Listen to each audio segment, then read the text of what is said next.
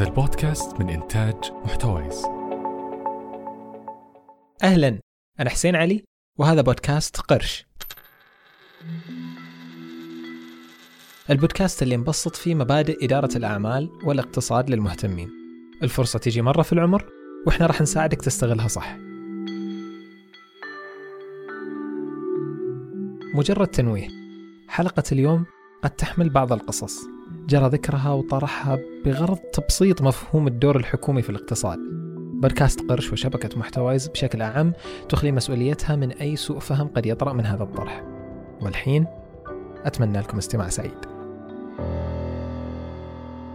والله شوف عندي صديق اقتصادي آه، يقول آه، الاقتصاديون من الحاصلين على جائزة نوبل إلى المعيد في قسم الاقتصاد. لا يجمعون إلا على شيء واحد وهو أن التحديد حد أدنى للاجور من الناحية الاقتصادية عمل مضر جدا. والدول التي حددته حددته لأسباب سياسية وفي الغالب وإنسانية سياسية يعني أساسا.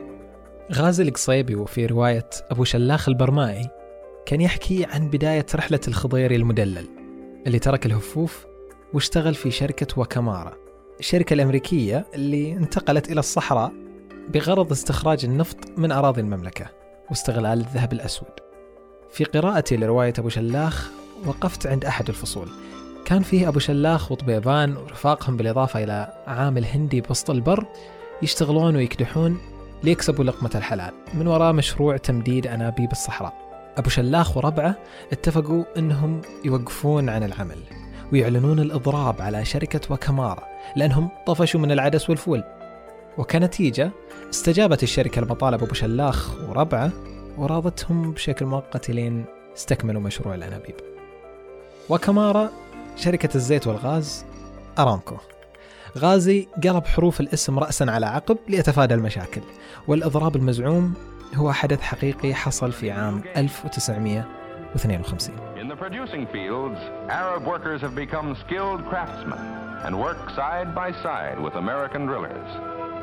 In fact, the company's operations have become one of the great centers for vocational and industrial training in the Middle East. القضية ملعبكة شوية وملخبطة شويتين لكن هذا النمط ما كان جديد على التاريخ ابحث في أي تاريخ عن كلمة إضراب وبتلقى التاريخ يتحفك من شتى بقاع الأرض بقصص مشابهة في عام 1936 وفي شركة جنرال موتورز الشركة الأمريكية اللي تمتلك عدد من العلامات التجارية من بينها شيفروليه، جي إم سي، كاديلاك وغيرها. في العام نفسه كانت الشركة مسؤولة عن 43% من إجمالي إنتاج الاقتصاد الأمريكي. في ذاك العام البائس الشركة كانت توظف كل يوم 100 موظف وتسرح 100 ثانية. بشكل أو آخر ربحية الشركة كان جزء كبير منها قائم على حساب هؤلاء العمال المساكين These were days when history changed its course. The sit-down strikes began on December 30th. They began with the attempt of GM to move the dies at Fisher Number 1 to Grand Rapids and elsewhere. مر الوقت وبشكل صامت وبدون إثارة أي ضجيج قرر عمال الشركة تشكيل نقابة عمالية وهذه حركة يضمنها النظام الأمريكي لأهداف تحسين ظروف العمل، تمثيل صوت العمال في كل صناعة، يعني تشكيل وزارة صغيرة خاصة فيهم. بدأ تشكيل النقابة والاتفاق على موعد الإضراب المحتم. تنبأت الشركة وهي جنرال موتورز عن هذه الحركة، لكن ما توقعتها بهذا القرب. وفي حين غفلة أعلن عمال الشركة عن الإضراب، بدأ الإضراب في أحد المصانع وتحديدا بولاية ميشيغان ممتدا إلى بقية مصانع جنرال موتورز في الولايات المتحدة. استمر الإضراب لمدة 44 يوم. تخيل شركة تخسر أكثر من إنتاج شهر كامل. تحول الإضراب إلى شكل آخر.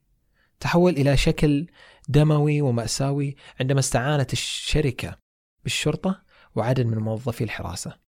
استخدمت الأسلحة الخفيفة وبعض المدافع من جهة.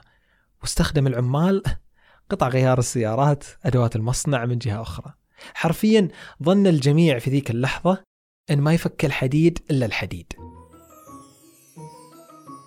إلى أن أقدم إلى الساحة حاكم الولاية فرانك مورفي. مورفي فهم أنه نقابة العمال ما كانت ترغب في الفوضى بل كل شيء كان لغاية وهي أن تدافع وتطالب بحقوق عمال الشركة وبشكل رسمي. طبعا استطاع مurphy إقناع ممثلي شركة جنرال موتورز والنقابة بالجلوس على طاولة الحوار واعترفت الشركة بنهاية هذا النقاش بحقوق العمال. وبالطرف المقابل أنهى العمال هذا الإضراب.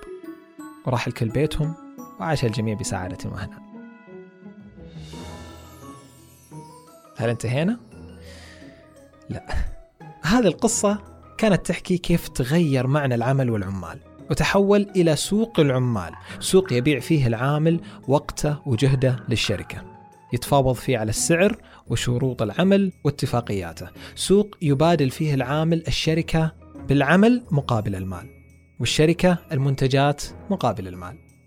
دائرة مستمرة ومترابطة دون استعباد أو إذلال وتحافظ على الكرامة وماء الوجه. وكأن العامل هو تاجر تتعامل معه الشركة أو مورد للأعمال. تقريبا كل شيء صار واضح الآن. لكن ليه تهتم الحكومة بنسب العطالة أو آلية عمل الموظفين في الشركات أو ليه حتى تتدخل في حل مشاكل مثل ما حصل بين حاكم ميشيغان وطرفي نزاع جنرال موتورز والنقابة. هنا نبدأ نتكلم اقتصاد شويتين. اقتصاد الدول خارجيا قائم على اقتصادها داخليا. كيف يعني؟ يعني دولة مثل اليابان عشان تنافس الصناعة العالمية في السيارات لازم تكون صناعة السيارات مسهلة ومنظمة داخل اليابان قبل خارجها. لازم تكون ظروف العمل وبيئة العمل وكذلك قدرات الموظفين والآلات كلها متوافقة ومتناغمة مع أهداف الشركة وتخدم مصلحة الدولة. لازم كل شيء داخل البلد يمشي بشكل متناغم ومترابط. ولذلك يا صديقي الحكومة تهتم بالأسواق. هذا التناغم ما ينخلق لوحده هذا التناغم ينخلق بعمل بمجهود تنظيم أسواق بحماية مستهلك حماية تجار لأن بالنهاية هي المركز لدائرة مترابطة من جميع الجهات. إذا صناعة مثل مواد البناء تعطلت لسبب من الأسباب وخسر عدد من عمال هذا القطاع وظائفهم راح يتعطل معاها سوق العقار وقد تنتهي برفع اجارات المحلات التجارية. عدد من المطاعم والمقاهي راح يتعطل عملها. جافا تايم مثلا ما راح يقدر يستقبل زباينه ويخدمهم بنفس مستوى الخدمة الحين أو يقدم لهم قهوته المميزة بنفس السعر. كثير من الشركات راح تعاني. راح يخسر عدد من العمال هذا القطاع وظائفهم ويدفع ضريبتها الزبون أو المواطن العادي. هذا المواطن العادي بالطرف المقابل اللي قد يكون يعمل في قطاع مختلف آخر مثلا في التجارة على سبيل المثال عشان يقدر يلبي الآجار راح يرفع أسعاره. والضريبة هذه راح تدور وتدور وتعثر معها صناعة ورا صناعة كأنها بالضبط مثل أحجار الدومينو المصفوفة. كل ما طاحت واحدة طيحت معها ثانية وثالثة وعاشرة. كل شيء مرتبط بكل شيء في الاقتصاد. وهذا أعظم ما في الموضوع. من هنا اقتصاد الحكومة راح يتضرر لما يتضرر اقتصاد مواطنيها. هذا من جهة.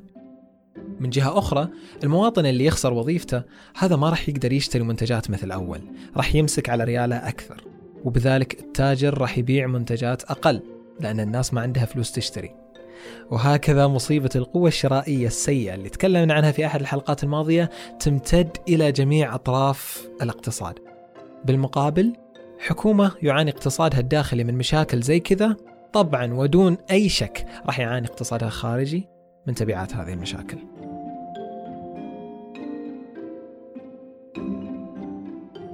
سوق العمال شبيه بشكل أو آخر بسوق السلع والخدمات. العامل يبيع ساعة عمله مقابل المال. هذا المال في الأخير راح ينصرف لعامل آخر اللي يغسل السيارة وعامل آخر اللي يبيع في المطعم وعامل آخر اللي يشتغل بالفندق وعامل آخر وعامل آخر وعامل آخر وبهكذا يبقى الاقتصاد حي ومنتعش وكذلك مزدهر إحدى أهم الأدوار اللي تلعبها الحكومة في أي اقتصاد هي أنها تضمن ديمومة الاستثمار في الاقتصاد وتجعل منه بيئة مستقرة ومنتجة. أحد الوسائل هي عن طريق خفض نسبة البطالة قدر الإمكان.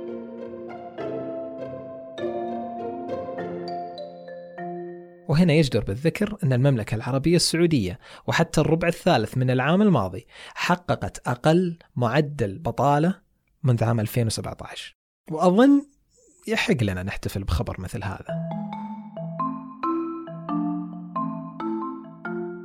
قام على الإنتاج الصوتي لهذه الحلقة مبارك الزوبع التصميم الفني والمرئي هلا العنزي وصفاء السعيد التدقيق حسن أحمد كتابة وتقديم محدثكم حسين علي بودكاست قرش هو أحد منتجات شبكة محتويز أتمنى لكم وقت سعيد. ودمتم بود